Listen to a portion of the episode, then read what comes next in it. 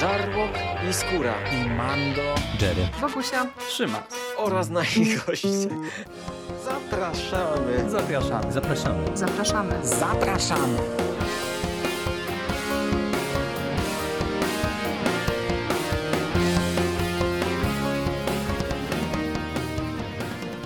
Witamy w konglomeracie podcastowym, czyli na platformie, która zbiera wszystkie Wasze ulubione podcasty w jednym miejscu. Dzisiaj będzie e, kolejny kobiecy duet. Jest ze mną e, Marta Płaza z kolektywu Final Girls. Cześć Marta, miło Cię słyszeć ponownie. Cześć Bogusiu, miło Cię słyszeć. Cześć słuchacze. Tak, witamy Was kochani bardzo gorąco i ja też się przywitam, Bogusia Szewczyk. Hej. E, tak, dwie dziewczyny do zadań specjalnych meldują się na stanowisku. E, już chyba tak będzie, że my tutaj w tych naszych rozmowach z Martą będziemy e, starały się ocalić od zapomnienia takie filmy, które z jakiegoś powodu mogły wam umknąć.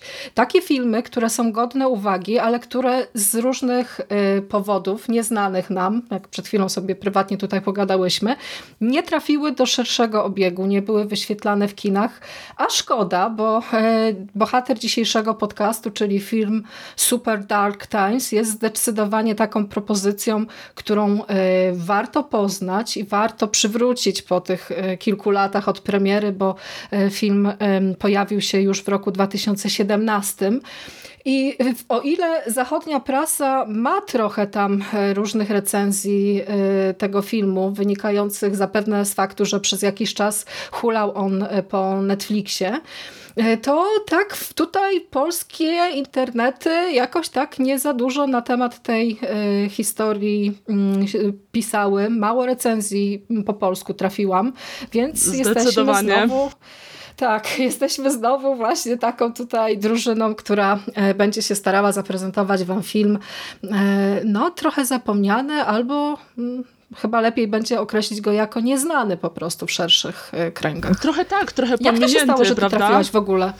Y, wiesz co, to było tak od słowa do słowa w zasadzie. Ktoś, ktoś mi ten film polecił, zwrócił uwagę, no i, no i poszło, ale właśnie to jest to, o czym mówisz ciężko było dotrzeć do reklamy tego filmu gdzieś w przestrzeni internetowej, więc y, jego fama, mhm. że tak powiem, niosła się tak y, pocztą pantoflową trochę, prawda?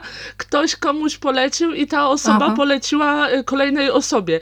I rzeczywiście coś w tym jest, że w przestrzeni polskiego internetu bardzo mało jest treści właśnie o tym filmie.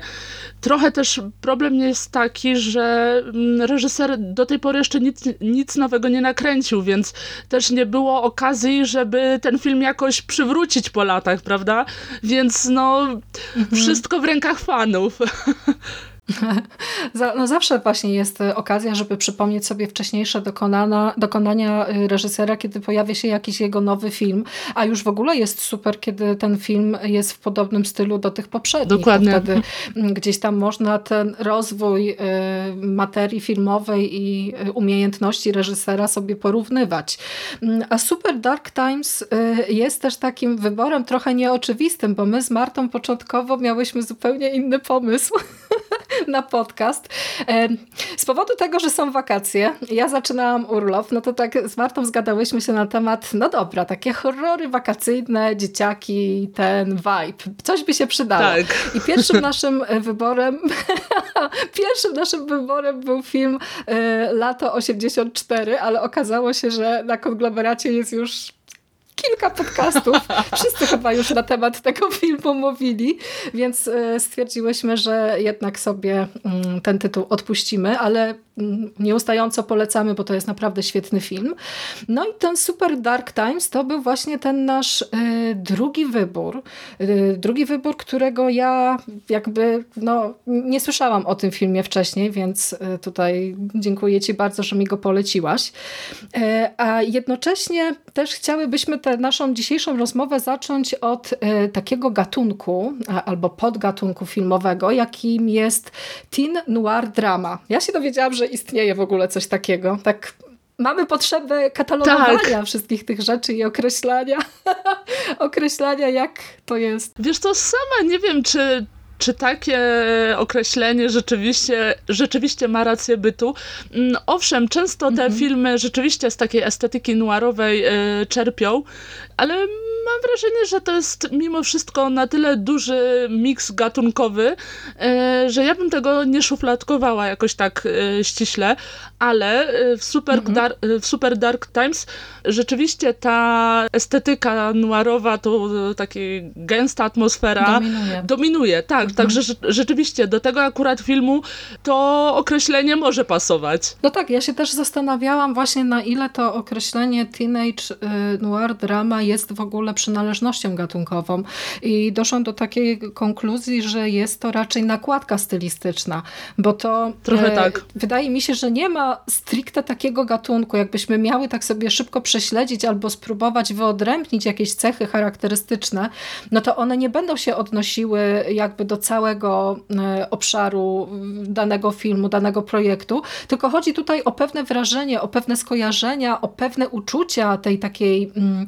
niesamowitej melancholii, tak. nostalgii, mhm. które y, przy użyciu konkretnych właśnie środków stylistycznych w widzu się pojawiają. A jednocześnie mm, to określenie dramatu noir y, z wątkami młodzieżowymi, no to jest właśnie taka nakładka, która znakomicie miksuje się z innymi gatunkami, bo przecież mamy właśnie wspomniane y, lato 84, które jest też filmem teen noir i jest jednocześnie horrorem. Zgadza jest się. Jest film Stand By Me, który jest dramatem obyczajowym i jest jednocześnie też właśnie takim filmem y, o nastolatkach, więc gdzieś tam... No tak, no to...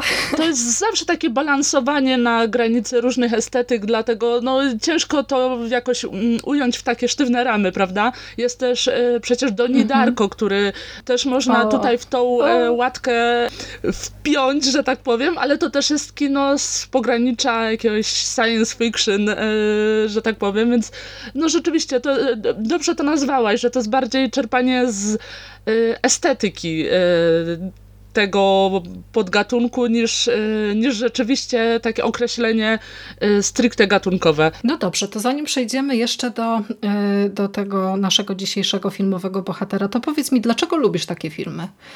Co cię w nich fascynuje? Bo zachęcam naszych słuchaczy, żeby popatrzyli sobie trochę na teksty Marty, które są właśnie na stronie Final Girls. Ona, ty tam bardzo często właśnie piszesz o takich filmach młodzieżowych i tych romansach, z przeróżnymi gatunkami. Jest też właśnie bardzo ciekawe porównanie Super Dark Times i y, Stand By Me. Bardzo dobry y, tekst w moim odczuciu. Co cię fascynuje w takich opowieściach, powiedz? Lubię melancholijne filmy.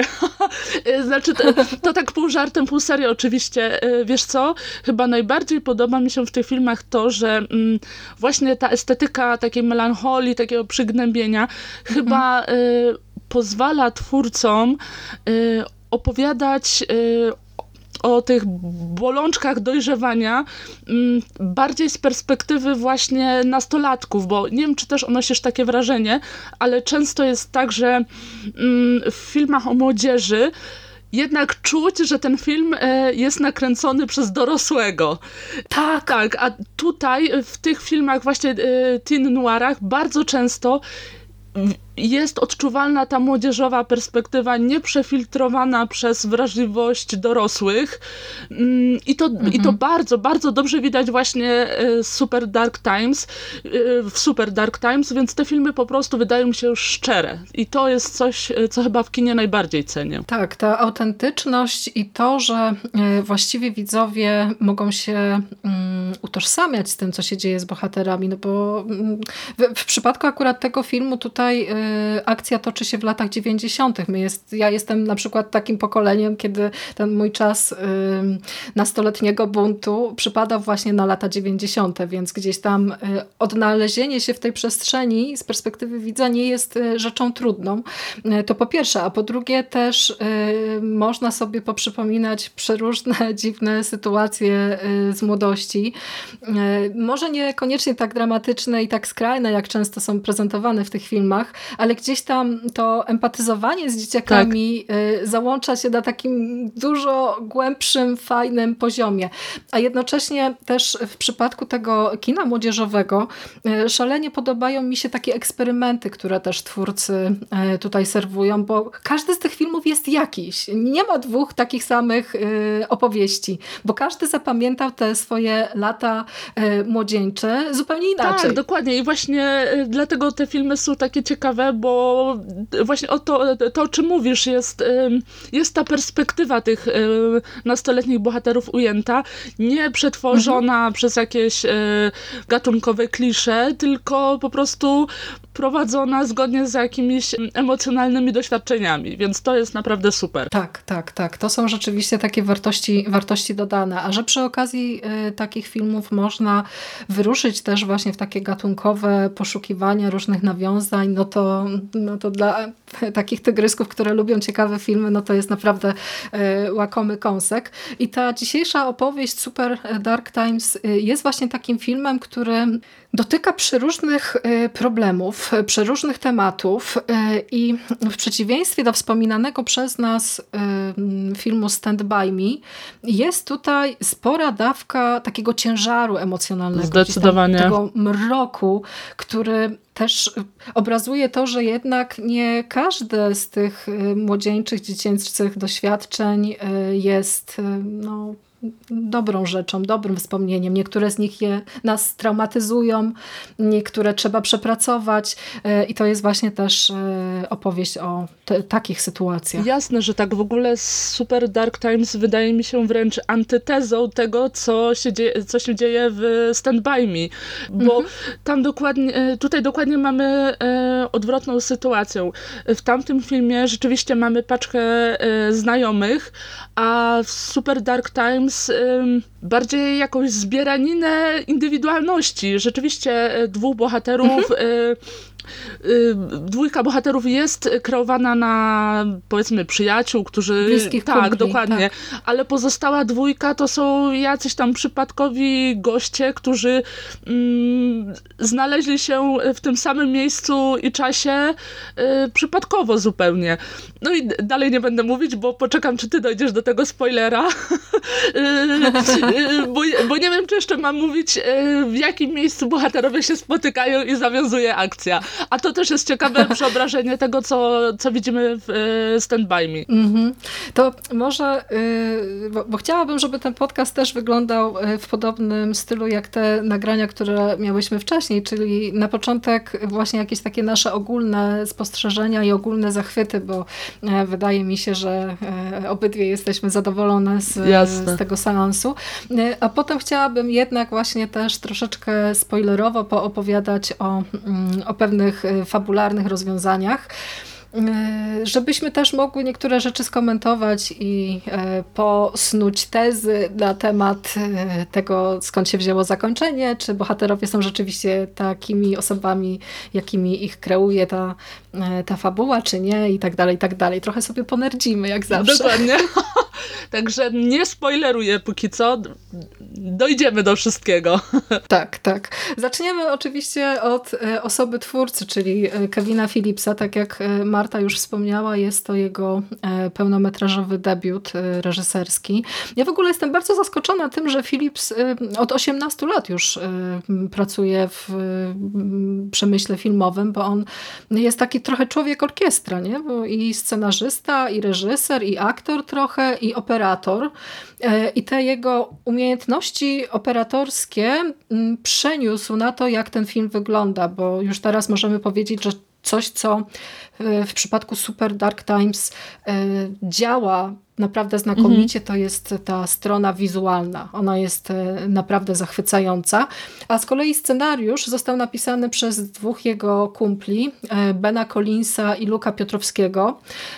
To są tacy specjaliści od horrorów psychologicznych, chociaż nie są to aż takie właśnie popularne nazwiska. Ja się tam przeglądając ich filmografię dokopałam do takiego filmu Syrena, Mm, który też swego czasu y, gdzieś tam był komentowany w różnych y, horrorowych y, topkach i na różnych horrorowych stronach. Ja tego filmu nie widziałam, więc nie, nie odniosę się do tego, na ile jest to jakiś autorski projekt, czy nie. Też Natomiast nie znam. Super, nie, nie znasz, nie no, znam.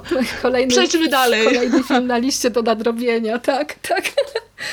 Okej. Okay. Panowie już w roku mm, 2000 14 chyba, w którym roku ukazała się ta e, krótkometrażówka? Tak, 2014. Pamiętasz? Mhm, dokładnie. 2014. Tak, przygotowali 11-minutowy film, e, który nosi tytuł e, Too Cool for School i jest właśnie taką opowieścią, która e, wprowadza nas w to uniwersum e, takich właśnie młodzieżowych dylematów historii o nastolatkach.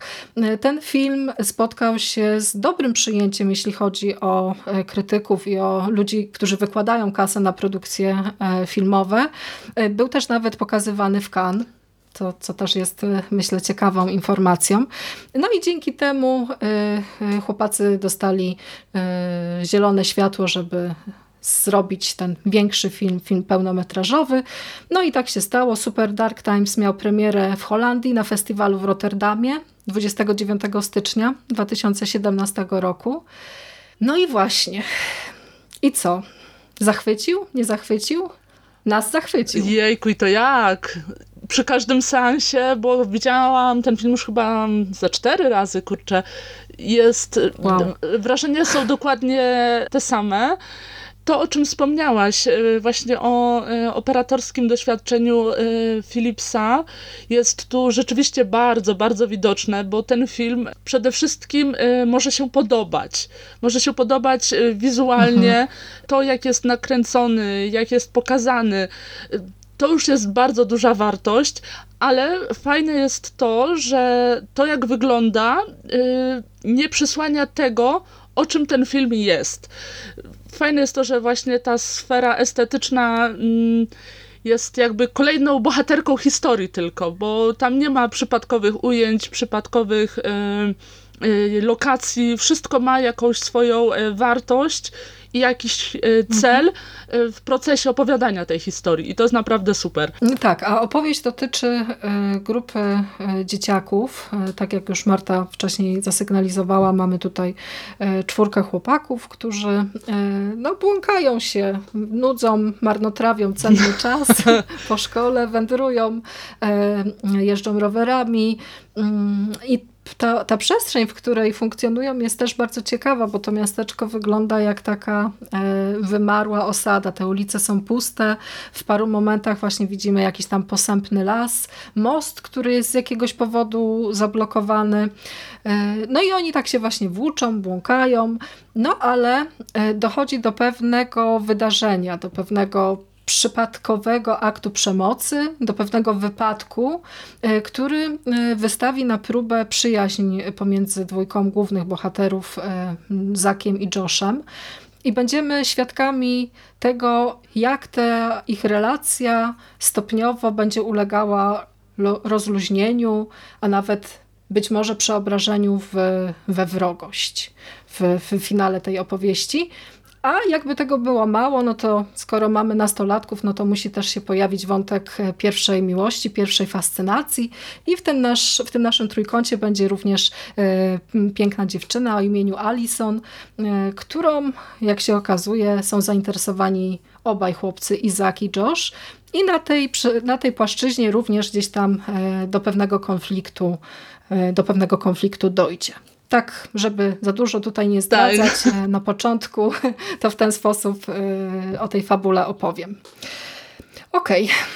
no i dobrze. Mm, powiedz mi, czy e, nie miałaś problemu z dłużyznami w tym filmie, bo to jest rzeczywiście taka historia, która wymaga bardzo dużo cierpliwości bardzo dużo skupienia, bardzo dużo uwagi. Naprawdę?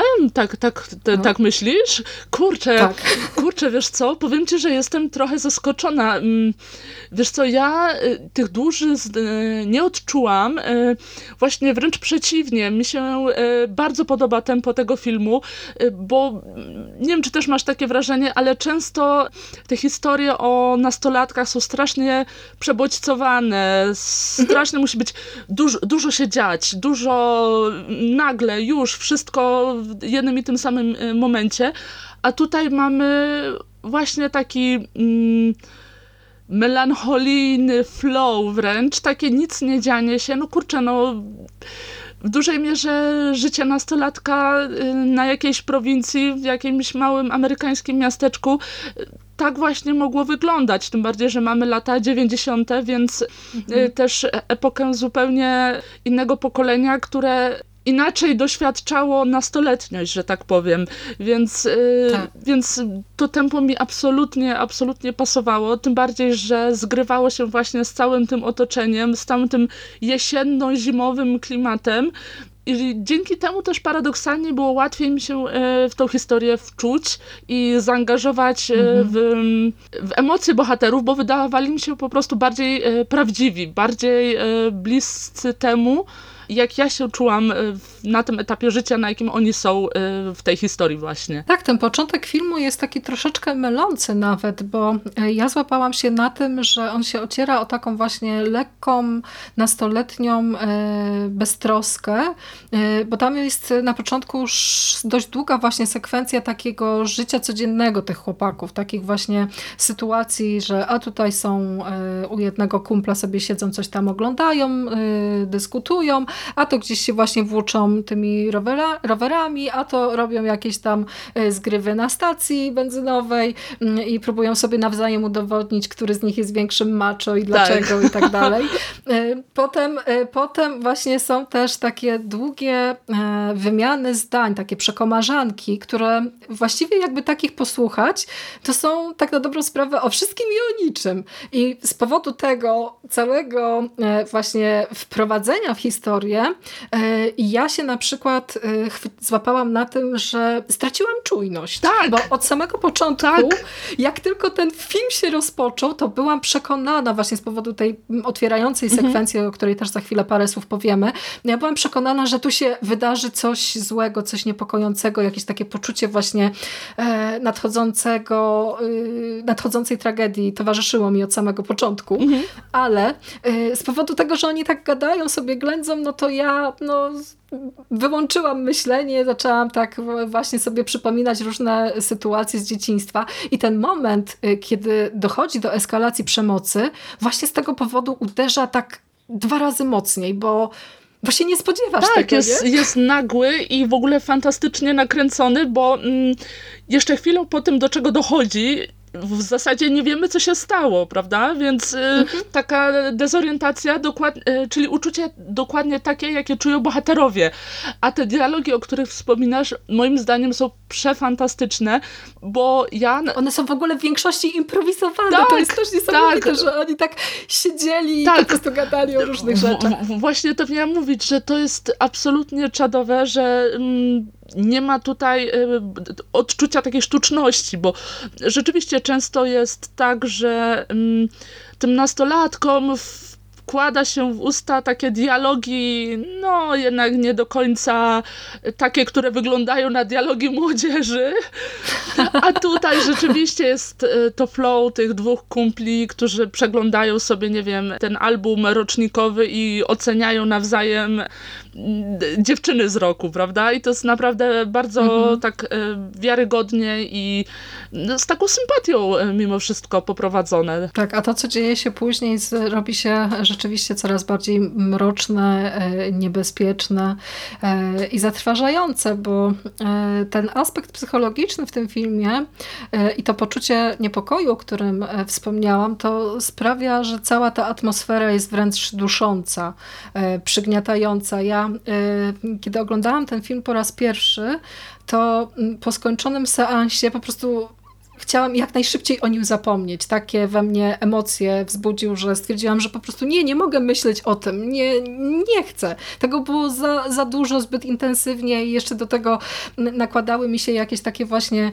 zachwyty nad tą wizualną stroną, która, tak. która gdzieś tam też rezonowała mi w głowie bardzo mocno, e, ale za drugim razem e, to, to, ten zachwyt nie zmalał, to, to, to przede wszystkim, e, a jednocześnie cała ta opowieść wywołała we mnie taką falę przeróżnych myśli, które mi się kłębią w głowie i kotłują. E, tak jest. I to jest trochę przerażające. Ale dokładnie tak ten film e, działa, bo jego można naprawdę rozkładać na czynniki pierwsze e, z przeróżnych tak. stron. Chociażby to, jak on radzi sobie w ogóle z powrotem do tych lat 90. Nie ma tutaj mhm. jakiejś nostalgii, jakiejś tęsknoty, tylko jest właśnie mierzenie się z tymi naszymi odczuciami, bo wiesz o co chodzi, że czasami z perspektywy lat wydaje się nam, że o kiedyś to było lepiej, kiedyś to było fajniej. Tak. A ten film. Idealizujemy. Tak, nie? dokładnie. Mhm. A ten film mówi nam e, bullshit, wcale tak nie było. Okej, okay. a jeszcze powiedz mi e, w tej części właśnie bez, e, bez szczegółów, e, który aspekt technicznej strony najbardziej cię zafascynował i dlaczego? Ojej. Jakbyś tak miała, będziemy oczywiście tutaj się rozpływały nad, nad różnymi elementami, ale jakbyś tak miała e, wypunktować jakąś jedną taką najbardziej smakowitą sekwencję albo e, jakiś zabieg, który reżyser ci po prostu kupił od razu, Wiesz to, co? to co by to było? Z, ogólnie zdjęcia są fenomenalne, ale bardzo mi się podobały szczególnie e, ujęcia ich rowerowych podróży, które często są e, rozgrywane właśnie na tle tych martwych wręcz lasów, prawda? Bohaterowie są wkomponowani y, w tą przestrzeń nieraz nawet nie widzimy ich dokładnie, widzimy tylko e, cień, cienie. I to jest tak przefantastyczne, a tym bardziej, że mimo, że ten film e, dzieje się w zimie, tuż przed Bożym Narodzeniem, to e, dzięki temu fantastycznemu klimatowi e, tej przestrzeni ma bardzo taki jesienny wydźwięk, więc dla mnie te ujęcia tych ich podróży rowerowych działały naprawdę fantastycznie. E, tak, ja, ja na pewno chciałabym pochwalić mm, grading kolorystyczny, bo e, tak jak Marta wcześniej zasugerowała, że e, jest w tej przestrzeni wokół głównych bohaterów dużo elementów, które wychodzą jakby na pierwszy plan, to szalenie podoba mi się to, że nastrój niepokoju jest budowany na zasadzie właśnie takich prostych trików. Kiedy kręcimy się gdzieś po tym miasteczku, no to te puste ulice i te drzewa bez liści y, już gdzieś tam mm, powodują jakieś takie mm, uczucie, że coś się kończy, tak. Y, że jest tak zimno, nieprzyjazne są te okoliczności, że zaraz wydarzy się coś, coś niedobrego. A z drugiej strony jest to też ogrywane y, w taki sposób, że jest w filmie jeden taki azyl, taka bezpieczna miejscówka, do której e, nasz główny bohater, e, z którego perspektywy cała ta historia jest opowiadana, czyli Zak, mm, on się może tam skryć. Tam jest kolorowo, jasno, są ciepłe barwy, właśnie jakieś pomarańczowe, trochę żółci i to właśnie nabiera takiego nostalgicznego, przytulnego wymiaru, który też myślę, że w tej historii jest bardzo potrzebny, bo ona jest opowiadana tak strasznie poważnie i tak strasznie na serio. I e, czasami brakowało mi e, takiego momentu oddechu, bo ja się przez e, cały ten film czułam taka, wiesz, spięta. Ale coś tym taka, jest. Mhm. Taka wyczekująca na to, co się tam może jeszcze złego wydarzyć, bo to, że się dzieją tragedie, no to, to byłam pewna, że tu musi się w finale też coś, coś strasznego zadziać, ale to właśnie to całe wyczekiwanie e, sprawia, że ten film się ogląda naprawdę tak, no, na krawędzi. intensywnie. na krawędzi. A jednocześnie jak e, myślę o Super Dark Times, to przychodzi mi takie skojarzenie, że to jest taki film, który e, trochę przypomina smutną piosenkę. Z jednej strony się zachwycasz, nie? Bo ten tekst, tak. E, im ta melodia sobie płynie, tekst jest wzruszający i tak dalej, i tak dalej. A z drugiej strony napełnia on cię takim poczuciem właśnie nieodwracalności pewnych rzeczy, tego przemijania. I to jest aż aż dziwne, że my sobie sami robimy tak. to, oglądając takie filmy. Powiedzmy sobie szczerze, lubimy po prostu smutne kino. tak.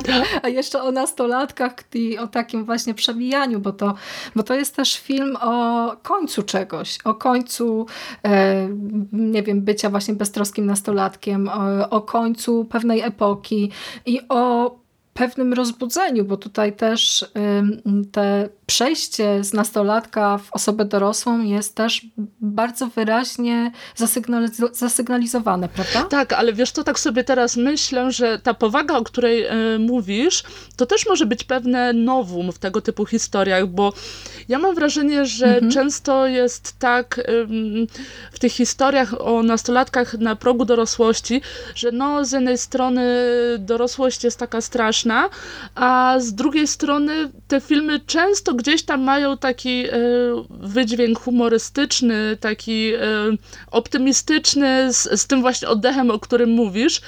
A tutaj mhm. ten film no, nie pozostawia nam złudzeń, e, że po przekroczeniu pewnej granicy no już lepiej nie będzie. Tak, on też jest y, bezbłędny y, na poziomie aktorskim. Y, to już też w tym momencie trzeba powiedzieć o tym, że ta historia by absolutnie nie zagrała, gdybyśmy mm, nie mieli tych głównych bohaterów obsadzonych w taki sposób, w jaki mamy, bo y, to mogłoby też być zrobione na zasadzie jakiegoś takiego prześmiewczego y, charakteru, bo mamy tutaj taką postać jak Josh, y, Josh Templeton, który jest właśnie takim kolesiem, który zabiega uwagę, jest takim trochę nieśmiałym nastolatkiem, ale w, będąc w towarzystwie przybiera maskę takiego agresywnego zgrywusa nie? i takiego właśnie intensywnego kolesia, Dokładnie. który gdzieś tam o tę uwagę zabiega i gdyby Charliemu Tanowi nie udało się zbudować tak tej postaci, e, jak, e, jak zbudował, e, to to by nie zagrało. Tak samo ten drugi z naszego głównego duetu, czyli Owen Campbell, Uwielbiam. Zack Taylor, tak się nazywa ten bohater. Tak, tak, to, to, to, to też nie czulibyśmy właśnie takich dylematów i całego tego ciężaru emocjonalnego. Oni są naprawdę fantastyczni, a trzeba podkreślić to, że to są no, no, młodzi aktorzy. Tak, warto dodać w tym miejscu, że Owena Campbella widzieliśmy ostatnio chociażby w fantastycznym X, gdzie wcielił mhm. się e, w rolę RJ'a, czyli naszego cudownego pana e, reżysera. E, a tutaj no, ta rola jest rzeczywiście zupełnie innego kalibru i to też jest w pewien sposób dowód na mm, wirtuozerię Philipsa, że poradził sobie z poprowadzeniem tych aktorów, prawda, że jednak po, tak. poskromił jakieś próby mm, szarży czy przegięcia. To jest wszystko moim zdaniem wygrane tak w punkt, y, że łatwo się y, w, w tych bohaterów zaangażować. Mi się na przykład bardzo podobało to, jak zarówno Josh, jak i Zach pokazują nieśmiałość. To też mm, to, Prawda, to jest cudowne. Tak, a zauważ, że w tych historiach o nastolatkach e, zazwyczaj jest tak, że mm, ten nieśmiały bohater to jest najczęściej jeden w grupie, prawda? Że ten e, jeden mhm. taki wycofany, a tutaj w zasadzie każdy tak. z tych bohaterów w jakiś sposób jest nieśmiały i to jest naprawdę pokazane e, fantastycznie, więc myślę, że to mm, też jest jakaś wartość tego filmu, że widzowie, chłopacy, mężczyźni mogą zobaczyć też zupełnie inny typ bohatera. Tak, tak, a w tych, w tych postaciach można się też e, trochę zakochać, bo ja muszę się tutaj przyznać do, do czegoś. E, Charlie tam w tym filmie jest niesamowity. To ja za każdym razem, kiedy Josh pojawia się na ekranie z tymi właśnie długimi włosami. Rozwianymi. W tych, oku, w tych okularach, z tym obłędem w oczach po prostu, z takimi, bo on ma całą masę jakichś takich właśnie e, gestów, które świadczą o tym, świadczą o tym że nie jest pewny. Tam gdzieś po prostu się drapie po nosie. Tak, tak, tak przeczesuje włosy, patrzy w taki charakterystyczny sposób. W tej drugiej części filmu w ogóle jest kilka takich ujęć o wow! I jakbym była nastolatką, jakbym była młodsza i bym gdzieś spotkała po prostu tutaj w okolicy albo w szkole chłopaka, który by wyglądał tak jak on, no to trochę tak jest, trochę tak jest wow. rzeczywiście. Więc też jest ten taki klimat nastoletnich zauroczeń bardzo mocno widoczny. Mhm, także ze strony widzów również. A w ogóle e, to e, on chyba będzie kojarzony, e, Charlie będzie chyba kojarzony właśnie z taką postacią, która się będzie sprawdzała w rolach z Wally albo takich bohaterów gdzieś tam na granicy tego obłąkania. Tak, tak, tak. Bo on i przecież pojawił się w Castle Rock, to, to dużo w serialach gra ten, ten, ten, ten aktor. W Gotham był w Ozarku, Ozark, taki serial też tam bardzo dobrą rolę zagrał. A jeszcze wracając do Owen Owana Campbella, to ja powiem Ci, że się zaskoczyłam bardzo mocno, bo e, ja dopiero e, przygotowując się do tego podcastu, uświadomiłam sobie, że to jest ten chłopak, który zagrał w filmie e, Moje serce bije tak, tylko wtedy, kiedy tak, mu tak. każesz. Też fantastyczny wow. horror co on tam wyprawia na, ty, na, na tych, w tych scenach niektórych w, w, w, tym filmie w roli Tomasa, no to po prostu o co tam się dzieje, uwielbiam. To jest jeden w ogóle z y, takich filmów, które też y, musiałabym do niego wrócić, bo, bo no, gdzieś tam głęboko mi y, zapadł w pamięć. No dobrze, a dziewczyna, co możesz powiedzieć o Elizabeth Cappuccino? Wiesz co? Śmieszne nazwisko poza tak, tym. ale powiem ci, że klimat wokół tego nazwiska dokładnie pasuje do klimatu, jaki e, ona rozsiewa na ekranie. No jest przeurocza, jest naprawdę fantastycznie napisana. Z jednej strony dostajemy y, dziewczynę, która wygląda na wcielenie niewinności i delikatności, a z... tak, sprawia takie wrażenie, jakby, jakby ktoś ją popchnął, tak, się przewróciła, tak. to zbiłaby się na milion kawałków. A z drugiej strony zobacz, jak ona jest fantastycznie napisana, że ona jest y, cały czas jakby prowodyrką e, jakiejś e, właśnie relacji z e, chłopakami. Ona wszystko inicjuje, ona gdzieś tego biednego Zacha cały czas popycha, próbując go zaangażować w jakieś głębsze relacje, więc to też jest fajnie moim zdaniem napisana mm, postać, bo często jest tak, że mm, schemat dziewczyny, która jest odważniejsza niż chłopiec jest, jest bardzo przerysowany, że taka dziewczyna jest głośna i nie mhm. jest, mhm. do, nie jest dokładnie, um, nie jest aż tak wiarygodna, że tak powiem. A tutaj jest wszystko w jej roli wygrane na takich niuansach, czyli z jednej strony ta delikatność, a z drugiej ta psychiczna taka, powiedziałabym nawet większa stabilność niż y, u chłopaków. Tak, ona jest, y, ona jest ciekawym właśnie takim równoważnikiem dla tych dwóch osobowości, które gdzieś tam się, gdzieś tam się ścierają, bo okazuje się, że no, jak to w życiu bywa, y, jeden typ urody może się podobać dwóm różnym y, charakterom. Dokładnie. Tam, y, te relacje pomiędzy chłopakami a Alison i właśnie jakieś takie sytuacje, które jej pojawienie się inicjują, no to to jest po prostu wszystko zaprezentowane właśnie wiarygodnie, nie? bo kluczem do, e, do tego, że ten film działa tak mocno jest właśnie taka wiarygodność. On się tam momentami osuwa w jakieś takie wizje przypominające koszmary senne, czy właśnie sceny, tak. które są dosłownie y, odbiciem snu,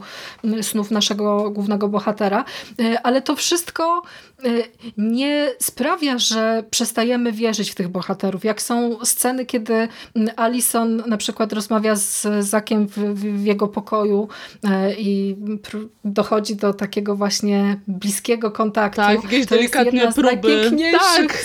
scen ten po prostu ever, jaki widziałam w kinie, taki prawie pocałunek, ale po prostu e, zaprezentowany no, no znakomicie no i tam aż iskierki latają. I to wszystko jest y, tak urocze w tej swojej, y, wiesz, nieporadności, prawda, że oni mhm. próbują, ale do końca nie wiedzą, czy tego chcą, czy chcą w taki sposób e, się zbliżyć do siebie, więc to jest... A wydaje mi się, że Alison wie, to, to, Joe, to yy, Zach nie jest sumie racja, pewny, bo racja. dziewczyna trafiła w kiepski moment po prostu. tak, także to jest, to jest dosłownie to, co wydaje mi się może towarzyszyć nastolatkom e, na tym etapie życia, więc szapoba, naprawdę. Zarówno dla aktorów, jak i reżysera, jak i scenarzystów, którzy tak tą scenę właśnie napisali w taki sposób. Okej, okay, to zanim jeszcze do tej strefy spoilerowej yy, przejdziemy, to musimy też sobie od razu wyjaśnić yy, jedną, jedną rzecz, bo w niektórych kręgach yy, ten film jest opisywany jako dreszczowiec, thriller, horror psychologiczny. Y, jak się do tego ustosunkujesz? O kurczę, wiesz co? Czy, czy, czy jest tu obecna groza? Myślę, że jest, ale nie wiem, nie wiem czy określanie tego filmu jako horroru y, nie byłoby mylące mimo wszystko trochę. I mi, mhm. mi chyba najbliżej byłoby do określenia tego filmu jako thrillera, dramatu, bo jednak horror ma może troszkę wpisaną e, w siebie jakąś nadnaturalność, bardziej lub mniej e, wyrażoną, a tutaj jednak dostajemy historię, która no mimo tych właśnie koszmarów sennych zrealizowanych bardzo wyraziście, bardzo wiarygodnie, y, dostajemy jednak historię... Krwawo. Tak, która, która jednak mocno, mocno trzyma się życia i swoich bohaterów. Nie mamy tutaj, wydaje mi się, tak, przestrzeni na jakąś nadnaturalność. To jest, to jest po prostu historia, która wcale nie jest niewiarygodna i jestem sobie w stanie wyobrazić, że coś takiego mogłoby się wydarzyć w realnym życiu. Tak, ja y, cały czas miałam gdzieś z tyłu głowy podczas seansu mi się przypominały przeróżne filmy, do których można by e, porównać cały ten nastrój, cały klimat Super Dark Times e, i ja zupełnie zapomniałam o tym filmie, ale wyszukałam go po mhm. seansie w, w Zakolu Rzeki. E, Jezu, z tak, tak. To, to jest właśnie ten sam poziom dramaturgii, ten sam e, poziom e, psychologicznego rozdrapywania właśnie relacji e, i tego rozpadu, bo ty w tym swoim tekście, Marto, napisałaś również właśnie o tym, że te więzi, które przez tę beztroskę i przez to, jakim to nastoletnie życie jest mm, wyobrażonym, jak sobie wyobrażamy właśnie nasze relacje z kumplami z młodości i ten moment 呃。Uchwycenia rozpadu tych relacji. To jest, wydaje mi się, coś y, szalenie fascynującego, co ten film y, prezentuje bardzo dobrze i bardzo wyraziście. Kurczę, po pierwsze, dzięki, że mi przypomniałaś o tym filmie, bo naprawdę kocham go i naprawdę będę chciała do mm. tego wrócić, a już tak na serio... Ja go widziałam tylko raz. Jest tylko fantastyczny, raz. także drodzy słuchacze, to prawda. jeżeli to nie zostanie wycięte w montażu, pamiętajcie, obejrzyjcie sobie ten film. Ale wiesz co, to jest ważne, o czym mówisz i to też była dla mnie jedna z największych wartości tego filmu, dlatego też e, odbieram go jako antytezę właśnie e, Stand By Me, o którym, e, o której już wspominałam, jeszcze powstrzymam się od y, spoilerów, y, ale wiesz, w tamtym filmie jednak to doświadczenie przemocy scala bohaterów, prawda? A tutaj y, tak. to, to konkretne doświadczenie, które zmienia układ sił w grupie, po prostu rozsadza tą grupę od środka, więc to jest trochę taka historia, co by było, gdyby bohaterowie Stand By Me jednak się jeszcze w dalszych latach szkolnych spotkali. Ja miałam w ogóle, patrząc na Josha, miałam totalny vibe tego bohatera ze Stand By Me, Teddy'ego Duchampa. Tak sobie myślę, że gdyby Dokładnie. Teddy po prostu dostał do ręki takie narzędzia, jakie mamy w tym filmie, to to by się mogło, e, to by się mogło właśnie w ten sposób skończyć, bo e, w tej nastoletniej kreacji e, bohaterów jest też sporo gniewu, sporo jakichś takich właśnie e, poukrywanych e, problemów e, z wiarą w siebie. Oni, mam wrażenie, że oni nie są pewni tego, kim chcą być i jacy są, bo na przykład mamy mm, mamę Zaka, która cały czas y, mm, powtarza mu, że jest ważny, że jest wartościowy, że jest dobrym chłopakiem y, i że zasługuje na to, żeby no, uwierzyć w siebie i gdzieś tam przebojowo przez to życie przejść, mm, ale on jakby neguje te wszystkie informacje cały czas wyobrażając sobie siebie jako tego słabego, jako tego bohatera, który nie udźwignie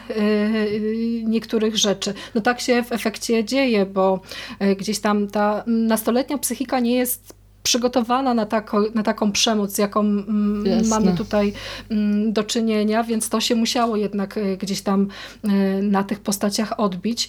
I tak jeszcze na koniec tej ogólnej strefy, to wydaje mi się, że jest to też film o przepracowaniu traum i o radzeniu sobie właśnie z takimi y, sytuacjami krytycznymi i to też jest super, bo y, potrzebujemy w kinie dla nastolatków, y, w kinie dla młodych odbiorców właśnie takich historii, które nam pokażą, że życie nie jest czarno-białe. Tutaj w Super Dark Times jest dużo odcieni i szarości i to w takim aspekcie właśnie metaforycznym, jak i w tym aspekcie dosłownym. Nie? Ta przestrzeń szarobura, jesienna, smutna, a jednocześnie y, te wybory, które są zawsze złe, bo ci tak. bohaterowie dokonują złych wyborów. Ja miałam bardzo często podczas seansu takie momenty, kiedy krzyczałam im do, do tego ekranu, że ej, no nie rób tego, przecież tutaj zaraz będzie katastrofa, a oni i tak, y, i tak robili właśnie y, nie to, co powinni i, i, i doprowadzali do tych złych rzeczy. Ale dokładnie tak jest. W ogóle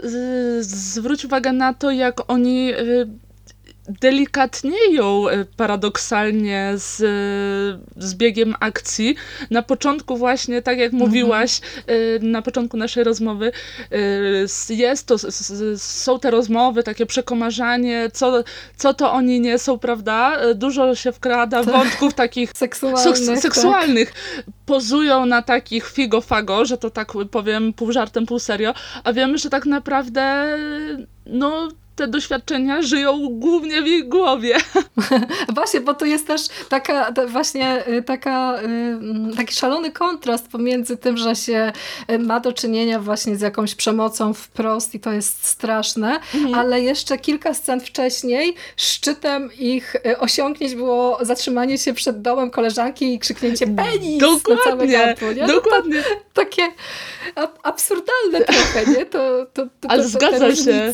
I ja po prostu odniosłam takie wrażenie, że im bliżej końca, oni tym bardziej y, zachowują się jak dzieci. Wiesz, to nie jest krytyka z mojej strony, tylko tak. y, coraz bardziej bezradnie się wydają, więc to też jest y, ciekawa, ciekawa przemiana, że no, nie każde doświadczenie nas wzmacnia.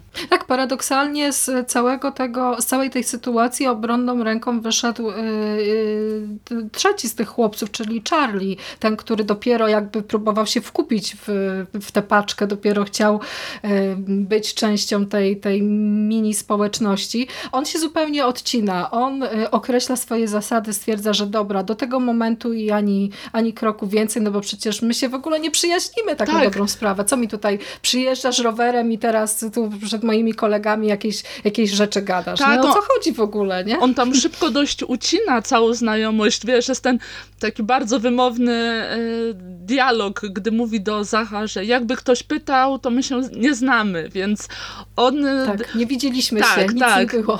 Więc on paradoksalnie wydaje się trochę bardziej dojrzały może od bohaterów, y, wie z czym może się wiązać to, do czego doszło że jednak woli się wycofać, zamiast e, angażować się e, w całą sytuację jeszcze bardziej. Mhm. A krytyka rodzicielstwa? Odnalazłaś tutaj jakieś elementy związane z krytyką rodzicielstwa?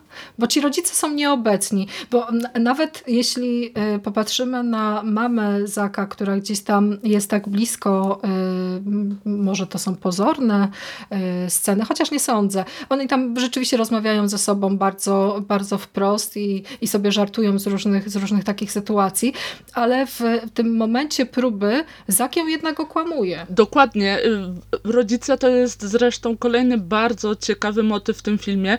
Dla mnie na przykład dość ożywcze i dość y, takie ciekawe było to, że oni nie są kreowani wprost na przemocowców, prawda? W Stand By Me, no to jednak rodzice, w zachowaniu, w zachowanie rodziców jest wpisana jakaś patologia, czy to choroba alkoholowa, czy y, wprost bicie dzieci. Mm, a tutaj ci rodzice są, teoretycznie sprawują jakąś opiekę, tylko właśnie tak jak mówisz, w chwili próby nie do końca potrafią sobie z całą sytuacją poradzić. Ja w pewnym momencie odniosłam w ogóle wrażenie, że gdy wychodzi na jaw kontekst tego aktu przemocy, Zach musi bardziej y, pocieszać swoją matkę, niż radzić tak. sobie sam, sam ze swoimi emocjami. I to jest naprawdę coś, coś innego w e, tego typu historiach o nastolatkach. No właśnie, bo on tam ją musi do, no wprost pocieszać, bo, bo gdzieś tam w, w tej relacji też załącza się pewnego rodzaju niepokój o swoje dziecko. Tak. To jest też e, ta, takie dwa właśnie skrajne punkty, bo mamy też przez moment zaprezentowaną mamę Josha, która właściwie nie wie, co się dzieje z jej synem. E, Zgadza Chłopak się. jest zamknięty w pokoju, przechodzi właśnie jakieś tutaj koszmarne przeobrażenie, albo i nie, a ona tylko podchodzi, y, puka do drzwi, informuje, że tutaj przyszedł kolega, nie, ale tak właściwie nie wie, co się dzieje, nie wie, co jest, y, co jest powodem. Z kolei y, mama Zaka też wspiera go w tych właśnie relacjach męsko-damskich, też trochę właśnie sobie tam robi jaja w, sytuacjach, tak. kiedy Alison się pojawia i tam roz, rozmawiają i tam wysyłają do pokoju nie, i, i, i podgląda tam gdzieś albo nasłuchuje, co tam, co tam się też, co tam się też wyprawia, a jednocześnie jest też e, kreowana na taką e, troskliwą bardzo, bo ona jak mm, Zak przyjeżdża do domu z rozwaloną ręką, no to zawozi go jednak na pogotowie, nie? Ale to te, e, fajnie, że o tym wspominasz, bo mm, właśnie w, tym, w kontekście tej troskliwości rodziców najmocniej widać chyba to, że ten film e, osadzony jest w latach 90. Nie, no, nie tak. współcześnie, w, to znaczy w roku, w którym powstał. I wiesz, możesz przegapić, nie wiem, fakt, że Bill Clinton pojawia się na ekranie, możesz e, przegapić fakt, że jeden e, bohater mówi, że jego rodzice wypo, wypożyczyli kasetę chyba prawdziwe kłamstwa, z tego co pamiętam. Tak ale na zachowaniu rodziców nie da się e, nie widzieć, że to jest zupełnie inna epoka. Przykładowo matka Zacha chyba w, e, jednym, w jednej ze scen mówi coś takiego, że mówi, czy w ogóle to jest taki klimat rozmowy, że póki Zak jest w domu, to ona nie wnika. Ona po prostu cieszy się, że syn jest w domu i nie interesuje jej, że tak mhm. tak powiem, sedno problemu. Y, matka Josha też, y, syn nie chce chodzić do szkoły, nie wnika dlaczego, ważne, że jest w domu i ona już czuje to poczucie bezpieczeństwa.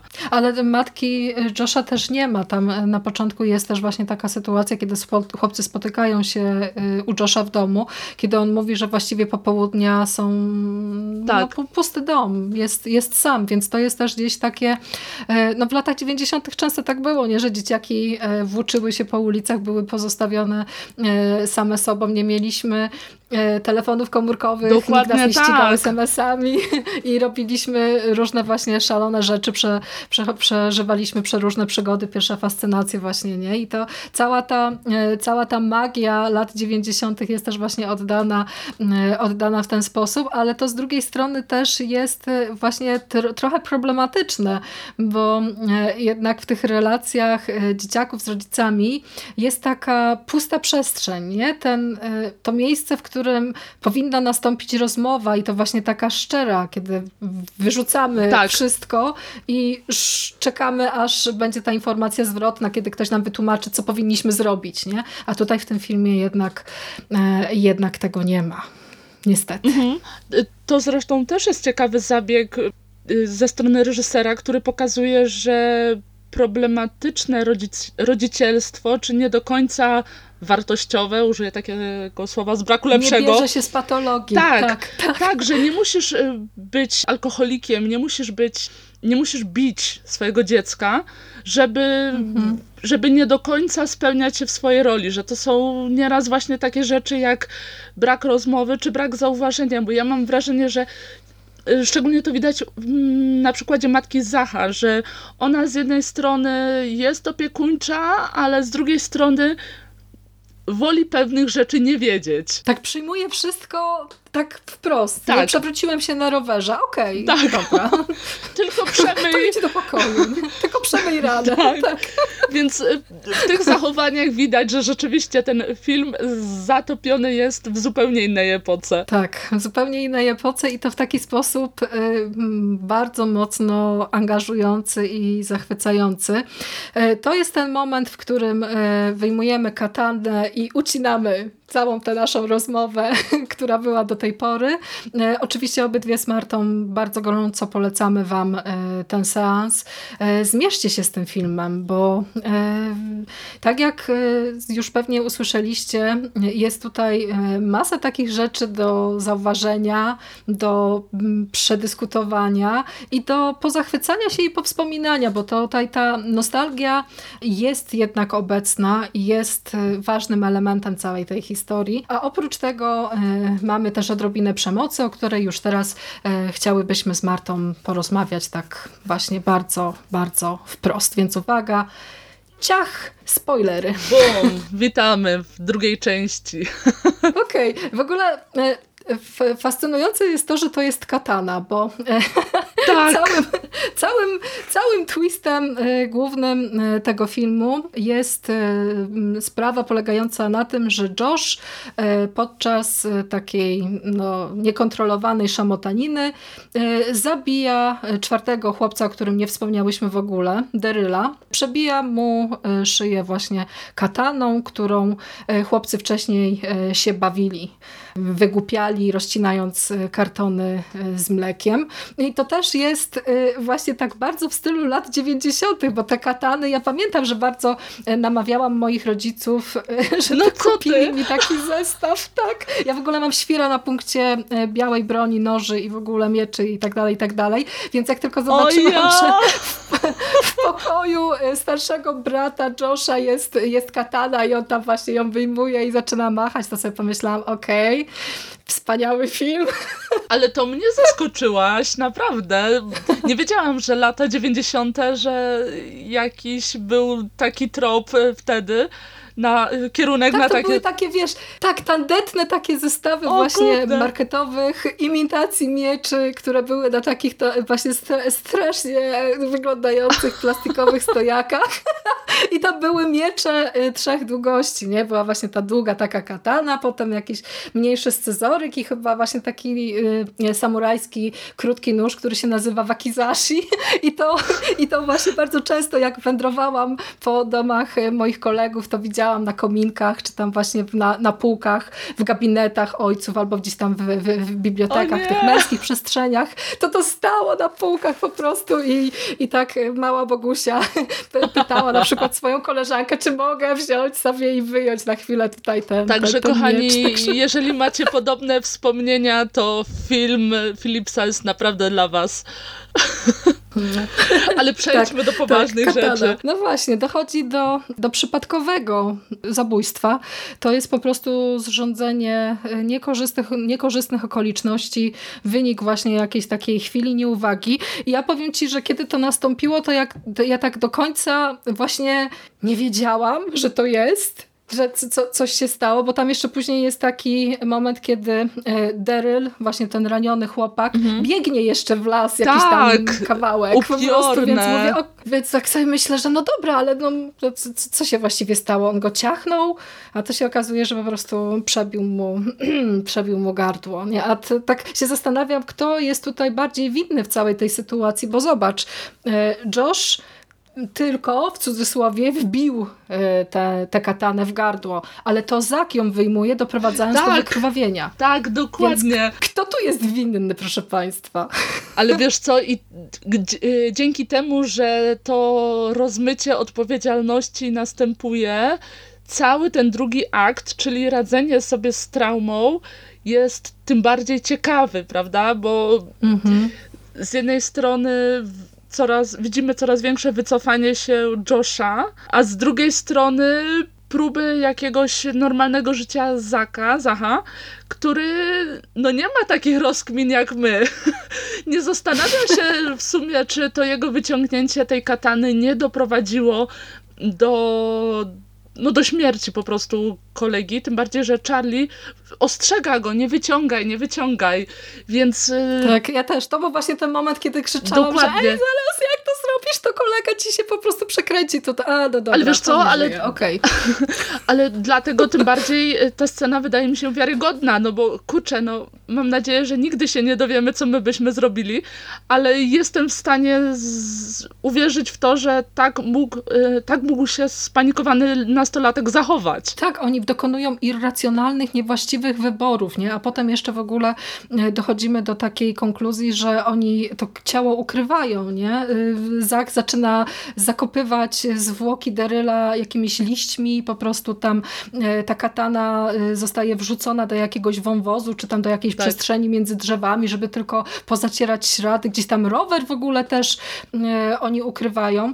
I teraz wiadomo, że tego filmu by nie było, gdyby oni podjęli właściwą decyzję i zadzwonili po policję albo zawiadomili po prostu kogoś y, z dorosłych. Y, ale ja się też właśnie zastanawiałam, co nimi, co nimi powodowało. Dlaczego y, jednak, czy, czyli w tym procesie rodzicielskim coś musiało pójść nie tak, skoro oni obawiają się właśnie tego, że na przykład zostaną wsadzeni do więzienia, nie? To, to pr prawidłowym sposobem postąpienia byłoby po prostu zawiadomienie kogoś, wytłumaczenie, że tu no, się pokłóciliśmy o trawkę, no i zaczęliśmy się tam przepychać, no i niechcący po prostu tak wyszło, że no kolega nie żyje. Ale dokładnie tak jest. I, I, dla mnie na przykład w tej scenie ciekawe jest to, że nie ma różnicy w zachowaniu między Zakiem a Joshem. Wiesz, nie mają mhm. ani jeden, ani drugi, nie ma tego odruchu, że czuje się na tyle mm, zżyty z rodzicami, na tyle jakby wierzy w ich y, racjonalny osąd, że nie tak. jest w stanie im powiedzieć, y, o tym, co się wydarzyło. Tutaj też warto zwrócić uwagę, że zarówno rodzina Josha, jak i Zacha w zasadzie jest pozbawiona jakby męskiego pierwiastka, bo tak. o ojcu Zaka chyba się w zasadzie nic nie dowiadujemy. Nie wiemy, czy jego matka jest wdową, czy samotną matką, a z kolei mhm. u Josha ta sytuacja jest jeszcze ciekawsza, bo mamy wątek tego brata, który rzekomo gdzieś jest w w Marines, prawda? Marines, Ale czy tak. tak. rzeczywiście jest, tego nie wiemy, więc mm, ten brak wpisany w charakter ich rodziny też może decydować o tym, że oni nie do końca czują się z nimi na tyle pewnie, żeby o tej sytuacji im po prostu powiedzieć. No to, to, to jest rzeczywiście bardzo ciekawy aspekt. Ja się też e, zastanawiałam, bo coś, co następuje po, e, po tym zabójstwie, przypadkowym lub nie, już e, nie wnikajmy, to jest tak, jak mówiłyśmy właśnie to, że Zak przestaje ufać E, Joshowi. Zaczyna podejrzewać, że e, kumplowi po prostu odwala, że e, tam jeszcze w międzyczasie pojawia się drugie zabójstwo, drugi dzieciak ginie, te zwłoki Deryla jeszcze nie zostały odnalezione, więc też po miasteczku roznosi się wieść, że tutaj kolejny nastolatek gdzieś tam się zagubił, coś się z nim stało. No i mamy właśnie to przeobrażanie się przyjaciół tak de facto w wrogów i to takich już na serio, na śmierć i życie. I teraz y, na ile to wypada wiarygodnie ze strony Zaka, to możemy sobie tutaj wytłumaczyć, bo tu y, jednak załącza się gdzieś tam to poczucie paranoi i to w tej drugiej części, kiedy już pojawiają się y, te senne jakieś omamy, w których Zak widzi Josha, jak tam gdzieś tak, stoi i obserwuje kurczę zbliżenie. A w ogóle to szalenie mi się skojarzyło z Antychrystem e, Tak, tak, ta, tak, ta, tak. Ta scena. To jest prawie identyczna stopklatka, masz rację. No i właśnie te, to poczucie niepewności, nie? Czy, czy ta osoba, którą znamy do tej pory i wydawało nam się, że wiemy wszystko, e, co się z nim dzieje, nie? To, to, to jest też e, fascynujący aspekt. Tym bardziej, że tam mam wrażenie, że w całą historię jest w pisany jakiś taki klimat właśnie tego końca, śmierci. Tam praktycznie mm, od samego początku mamy wrażenie, że z każdym dzieje się coś złego, że z każdym jest coś mhm. nie tak. Y, na mnie na przykład wrażenie zrobiły takie urywki scen w zasadzie. Mm, przykładowo jakiś dzieciak biegnie przez korytarz szkolny prawie, Aha. prawie w płaczu, prawda? Potem gdzieś widzimy chyba sceny w bibliotece szkolnej, e, że chyba Tak, dziewczyna tak. nagle w jakiś płacz wpada. Już teraz nie chcę, nie chcę zmylić widzów, e, słuchaczy, przepraszam, ale widzów też. w każdym Widzów razie, też. e, w każdym razie od początku mamy wrażenie, że coś z tymi ludźmi, mieszkańcami tego miasteczka jest nie tak. Więc paradoksalnie ta przemiana Josha wpisuje się w to, co widzimy od samego początku. No tak, ale czy jest ona wiarygodna? My sobie e, wczoraj e, z Martą trochę rozmawiałyśmy prywatnie właśnie na temat e, tego, że jest jeden element, który może sprawić, że ta historia się wyłoży i tutaj widzowie, którzy będą ją oglądać, no to sobie po prostu stwierdzą, że aha, tutaj hmm, to jest jednak ściema. Bo to przeobrażenie Josha w seryjnego zabójcę albo w jakiegoś takiego właśnie psychopatę następuje rzeczywiście y, bardzo szybko. I to tak, mm, on się potem zaczyna właśnie rozsmakowywać w jakichś Tak. aktach przemocy, bo jest przecież ta scena, kiedy Zak wraca, to też właśnie bardzo mądre, nie? Wraca do lasu na miejsce zbrodni odszukać zwłoki Deryla i okazuje się, że mają tam po prostu zdjęty skalp, ucięte palce, są podziurawione, tak jakby właśnie ktoś dźgał jeszcze dodatkowo plecy e, tego chłopaka. E, No i katana zniknęła. No i teraz y, oczywiście detektywistyczna rozkmina, co się stało, kto ją zabrał. Y, Wiesz co, wydaje mi się, że chyba nie ma jednej odpowiedzi na pytanie, czy ta przemiana jest wiarygodna, bo wydaje mi się, że każdy odbierze to inaczej. Ja na przykład przy pierwszym sensie, przyznam ci się szczerze, że nie do końca to kupiłam. Wydawało mi się to już trochę przesadzone, no bo wiesz, trzy czwarte filmu mamy prowadzone na właśnie tych długich ujęciach, takim e, powolnym klimacie, tej narastającej paranoi. A ta przemiana Josha odebrałam ją trochę jako taką zbyt dosłowną, już zbyt taką efekciarską. No bo czy rzeczywiście jest prawdopodobne to, że po tym jednym przypadkowym zabójstwie nagle mógłby się roz, rozsmakować w krwi, że tak powiem malowniczo, ale jestem w stanie też y, jakby dostrzec to drugie dno, drugą wersję, do której ty mnie przekonałaś, Bogusiu, więc oddaję ci głos. Tak, bo y, to, co już y, rozmawiałyśmy na temat braku męskiego pierwiastka i tego, że to życie rodzinne jest takie właśnie owiane tajemnicą, to właściwie może być ten element wytłumaczenia całej tej, całej tej sytuacji, bo my tak na dobrą sprawę nic o Joshu nie wiemy. To Zaka poznajemy bliżej, Tak. to z jego perspektywy oglądamy całą tę y, sytuację, wszystkie te okoliczności, rozkminiamy i tak dalej, i tak dalej. Mm, Ale Josh ma od początku filmu w sobie jakieś takie pokłady e, właśnie gniewu, czegoś takiego ukrytego, pierwotnego, niesamowitego. I teraz, y, a co jeśli y, na przykład ojciec Josha go maltretował? Dokładnie. Co jeśli jego relacje z bratem nie były na przykład takie sympatyczne, jak Josh stara się y, je kreować przed, przed kolegami? A co jeśli ta matka, która też wydaje się wycofana, jest w rzeczywistości jakąś, nie wiem, no, psychopatką? Co jeśli? Dok- Te- Te dokładnie. pytania się mnożą, nawarstwiają, a ja też uważam, y, że w, w przypadku akurat tego bohatera jest chyba już od samego początku właśnie zasygnalizowane, że w nim coś tkwi takiego mrocznego, takiego e, niebezpiecznego i on czekał tylko w sumie na, na pretekst, nie? Na taki bodziec, Jasne. e, który uwolni w nim to wszystko. A jeszcze, e, jeszcze dodatkowo tutaj może się też e, załączyć e, zemsta, bo widzimy kilka takich sytuacji, kiedy Josh jest albo ignorowany przez otoczenie, albo wprost atakowany przez Tak, chłopaków, tak. którzy naśmiewają się, że jego brat tam gdzieś w Marines, nie? Kładą go na ziemię, przydeptują butem. No to gdzieś tam ta potrzeba sprawiedliwości i bycia zauważonym może sprawiać, że Josh po prostu no, no odbiło mu, nie? I gdzieś tam na po, tym poziomie można to psychologicznie uargumentować. Wiesz co, teraz jak słucham, e, o czym mówisz, y, to naszła mnie też je- jeszcze taka myśl, która też uwiarygadnia mi tą przemianę. Y, Mianowicie zastanawiam się, ile w tej przemianie jest z tego doświadczenia lat 90., bo przypomnijmy przecież o masakrze w Kolumbin, która wydarzyła się pod koniec lat 90.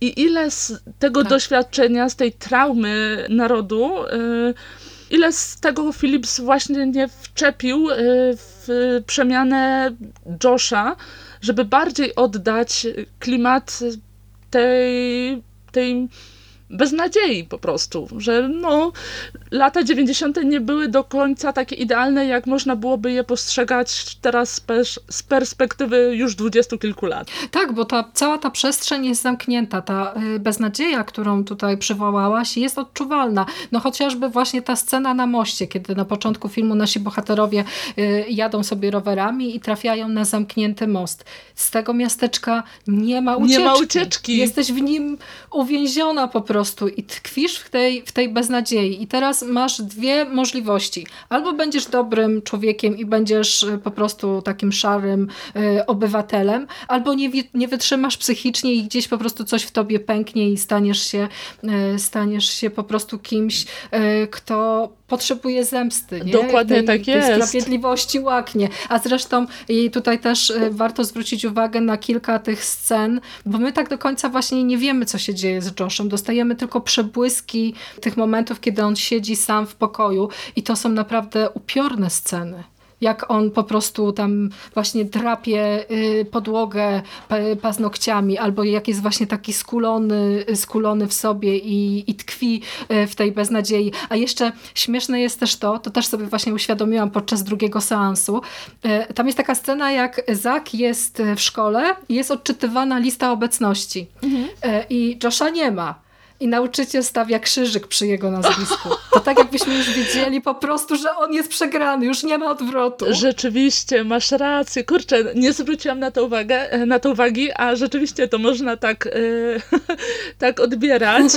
Mm, Jeszcze wrócę do tego mostu, bo to w ogóle jest dla mnie e, bardzo taka ikoniczna miejscówka dla tej historii, bo nie dość, że ona odgradza to miasteczko jakby od reszty świata, to też dowiadujemy się praktycznie od początku, że tam dochodziło do jakichś też aktów przemocy, wręcz y, śmierci, prawda? Jakieś samobójstwa czy, czy inne wypadki. Tak. Więc coś z tym miejscem jest rzeczywiście nie tak. A znowu Ale to coś przywoł, przywołuje Josha, bo na początku Dokładnie. jest też scena, kiedy on sam wchodzi na tę balustradę i się rozgląda, nie? Takim właśnie niepewnym, e, niepewnym wzrokiem, tak jakbyśmy odczuwali od początku, że on już jest gdzieś tam na tej granicy, po prostu balansuje. dokładnie tak jest. Niesamowite. I znowu pozwolę sobie wrócić do Stand By Me. Nie wiem, czy pamiętasz, to, e, pamiętasz tą scenę. W Stand By Me e, most to jest dla bohaterów moment sprawdzenia własnej odwagi. Tak, tak. Tak, że oni się sprawdzają, doświadczają i nabywają pewności siebie. A tutaj jest sytuacja dokładnie odwrotna, gdzie dowiadujemy się, że to miejsce ma klimat no już takiej typowo śmierci, beznadziei i samych jakichś negatywnych emocji. Tak, tak, tak. Można na to właśnie patrzeć, e, patrzeć do tego w takich kategoriach. Zresztą tutaj e, w, w prawne oko miłośników twórczości Stephena Kinga, oglądając e, Super Dark Times, na pewno wyłapiecie kilka takich scen, które są dosłownymi cytatami z, ze Stand By Me. Te kilka takich ujęć, które po prostu no, ko- kojarzą się Tak. właśnie jed, jednoznacznie. No dobrze, a wróćmy jeszcze, e, wróćmy jeszcze na sekundę e, do relacji naszych głównych bohaterów. Powiedz mi, e, jak ty odebrałaś zakończenie? To, że, no, że ta relacja jednak się, jednak się rozpada i dlaczego właściwie oni się zaatakowali? Dlaczego Josh chciał zabić Zaka? Bo w, osta w ostatnim akcie dochodzi do tego, że Josh zaczyna więzić właśnie Alison i e, jej koleżankę Megan, to tę drugą zabija. I e, Zak pędzi e, ku swojej ukochanej, żeby ją e, uratować, no i dochodzi właśnie do tej ostatecznej konfrontacji. Co myślisz o zakończeniu? Wiesz co, jeżeli bym miała wybrać jakąś jedną scenę, która mi zgrzyta, nie do końca y, się sprawdza, to chyba byłaby właśnie ona.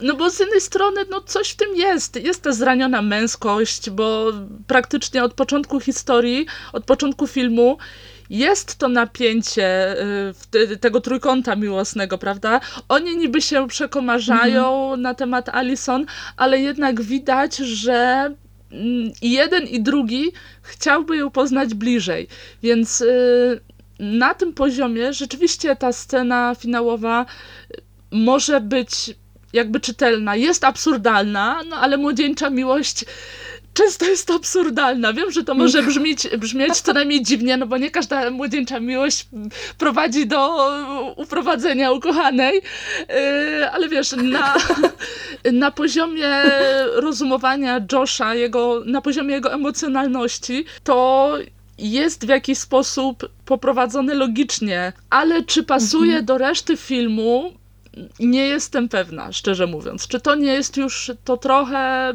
za dużo. Tak, a ten moment, kiedy on w ogóle pojawia się w domu Megan z, tym, z tą kataną zawiniętą w ręcznik, to już też jest takie, takie bardzo wprost, tak. na takiej zasadzie, że po prostu, no dobra, tutaj już nie ma, nie ma niedomówień, bo tam się wcześniej y, scenarzyści trochę silili właśnie na taki element tajemnicy, czy to rzeczywiście Josh, czy nie Josh, Dokładnie. czy on zabił tego chłopaka, który chciał kupić narkotyki, czy nie, y, co się tam z nim działo i tak dalej, i tak dalej. Więc wiesz, z jednej strony można znaleźć jakieś wytłumaczenie tłumaczenie dla jego zachowania, y, ale z drugiej strony mhm. mam wrażenie, że można było to poprowadzić lepiej.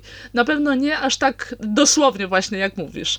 Ale Zak jest też po prostu y, bardzo ciekawą y, figurą, bo on się wydaje od samego początku filmu taką osobą właśnie szalenie nieśmiałą, wrażliwą, taką trochę, no chociaż nie, rycerski jest, bo już w tej pierwszej, w tej pierwszej wymianie zdań na temat tego, która koleżanka jest sexy, a która nie, no to on tam mówi, że no ale czekaj, ja tu znam Alison, nie powinniśmy rozmawiać o niej w taki tak. sposób, nie? No więc tam gdzieś tam się męska e, tutaj e, duma załącza. Porządny i, chłopak. I okay. Ale Zak też ma w sobie coś, co, co trochę mi y, przeszkadza właśnie w tej jego pozie y, rycerskiej, bo ta osoba symbolizuje poczucie winy i to takie no już skrajne, bo on... Y, on ma najwięcej dylematów związanych z tym, że mm, nie powiadomiono żadnych władz, że ten kolega umarł, że mogliśmy to zrobić inaczej i że tutaj teraz wszyscy powinniśmy podjąć, e, cała trójka powinna podjąć decyzję e, i tak dalej, i tak mhm. dalej. No i ta, ta, ta, jego siła, która się właściwie bierze znikąd, jest też taka szalenie nieporadna. Na przykład, nie wiem, czy zwróciłaś uwagę, ale e, w finałowym pędzie ku e, Alison, to on, no on na początku jedzie na rowerze, potem przemieszcza się pieszo tak! pomiędzy jednym a drugim domem. I to jest szalenie idiotyczne. No, skoro już jechałeś na rowerze, tak. no to kurde, szybciej, szybciej dojedziesz na tych dwóch kółkach niż pieszo pędząc, nie? Ale to rozumiem, że to wszystko służy podbudowaniu napięcia, ale i tak mi się wydaje momentami trochę głupie. Tak, troszeczkę powietrze schodzi z tego zakończenia i no to może rzeczywiście zgrzytać, tym bardziej, że trzy czwarte filmu to jest koronkowo budowana atmosfera. Konsekwentnie tak. budowane. Tak. I to jest bardzo na takich y, niuansach, prawda? A tutaj no ten finał to już jest taka, taką za przeproszeniem łopatą przez łeb, wybaczcie. Ale no, ale no tak jest, tak można to zakończenie odebrać, więc była tu jakaś myśl, jakiś pomysł, ale no nie do końca zrealizowany tak, jak powinno. No tutaj niestety y, czuć trochę y, to przekleństwo debiutanta, bo tak. mam wrażenie, że gdyby gdybyśmy mieli sprawniejszych filmowców, jednak lepszych scenarzystów, to oni wiedzieliby, jak tę historię, jak utrzymać widza właśnie w tym, w tym napięciu do samego końca. E, tutaj w kilku momentach, właśnie kiedy się załączają te sceny oniryczne, e, to ja miałam takie wrażenie, że oni sami nie wiedzą, jak ta historia będzie przebiegać dalej.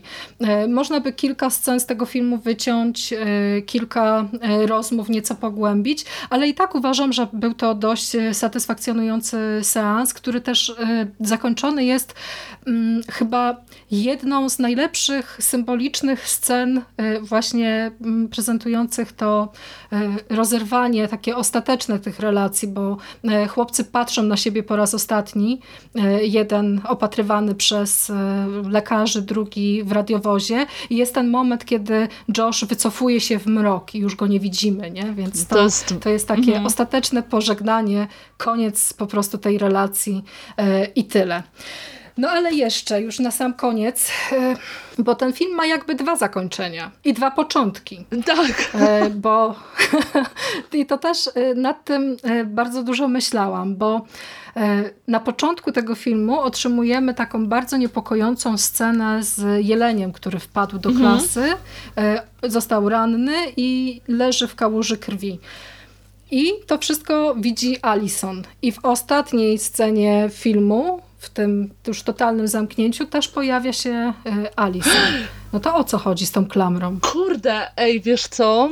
Teraz jak sobie o tym myślę, jak, jak powiedziałaś o tym, to rzeczywiście jakby jestem w stanie zrozumieć y, to, o czym rozmawiałyśmy sobie prywatnie, że niektórzy widzą jakby w Alison wiliankę niejako. Tak, tę złą, która Kurczę. to była, bo ona po prostu stała za tym wszystkim. Ale, rzeczy, ale rzeczywiście tak teraz niemal doznałam olśnienia, że rzeczywiście można to odebrać jakby twórcy sugerowali że ona jakby jest odpowiedzialna za, za rozpad tej przyjaźni. Nie wiem, czy to nie jest za dużo. To jest tylko jakby jedna, mhm. z, jedna z takich myśli, która mi towarzyszy teraz przy rozkminianiu tego zakończenia więc nie traktujcie jej absolutnie poważnie, mm, ale, ale coś, coś w tym jest, kurczę, w takim poglądzie, prawda? Ja wpadłam jeszcze na coś zupełnie innego, bo e, e, wielu recenzentów e, zagranicznych motywuje to, że Alison jest właśnie tą złą, faktem, że w pierwszej scenie nie odwraca wzroku tak, od tak, tego tak, tak. Tam, ona, ona patrzy jakby tak zafascynowana. A teraz przyszło mi do głowy, coś takiego. A co jeśli Alison pod wpływem tej sytuacji z jeleniem zaczyna sobie przypominać tę traumę, którą przeszła?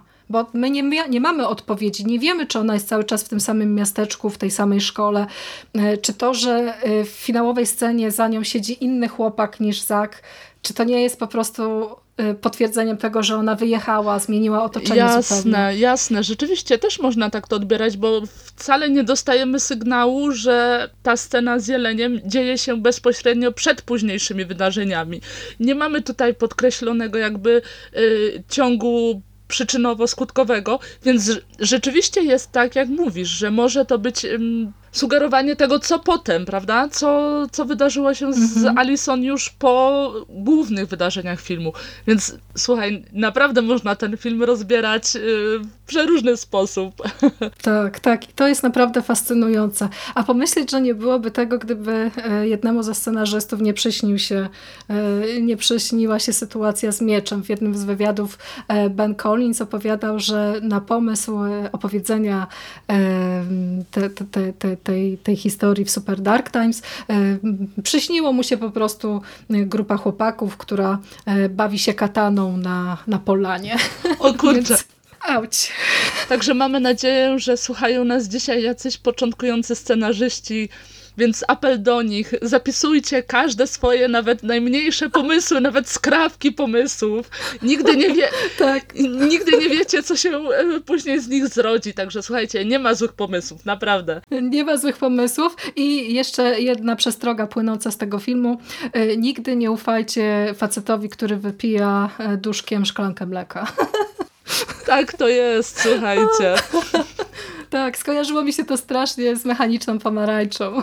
Także... I z tą sceną w barze Korowa, tak. Jasne, także no cóż, kino przemiela ciągle te same schematy. Taka jest prawda, moi drodzy. Tak, a my to bardzo uwielbiamy Dokładnie. po prostu rozkminiać. I właśnie zrecenzowałyśmy dla was film, który jest określany e, mianem American Psycho dla młodych dorosłych. Czy to jest slogan, który pasuje do Super Dark Times? No to się przekonacie, jeśli sięgniecie po ten film. Myślę, że dodatkowej zachęty e, nie potrzeba. Już wystarczająco tutaj z Martą się pozachwycałyśmy. No, po raz kolejny entuzjazm taki z nas bije. To jest w ogóle super. Kochajmy kino, słuchajcie, kochajmy, naprawdę. Bez kina nie ma życia. Kochajmy ogromną miłością. E, dziękuję Ci e, po raz kolejny, Marta, za, za wspólne spotkanie w naszym studio. Mam nadzieję, że usłyszymy się wkrótce. Ja Już też. możemy teraz zaspoilować, że tym razem, następnym razem wrócimy do e, kocich tematów i to będzie ciężka rozmowa. Także wyczekujcie i pogłaskajcie swoje koty. Koniecznie. Tak, my wsiadamy z Martą na swoje rowery, a wy wypatrujcie kolejnych odcinków, kolejnych nowych recenzji, kolejnych podcastów u nas. Wszystkiego dobrego, spokojnej nocy, trzymajcie się ciepło. Pa, pa! Hej!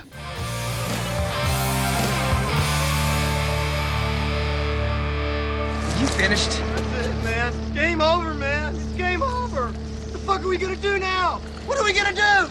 It's over. Nothing is over. Nothing. You just don't turn it off.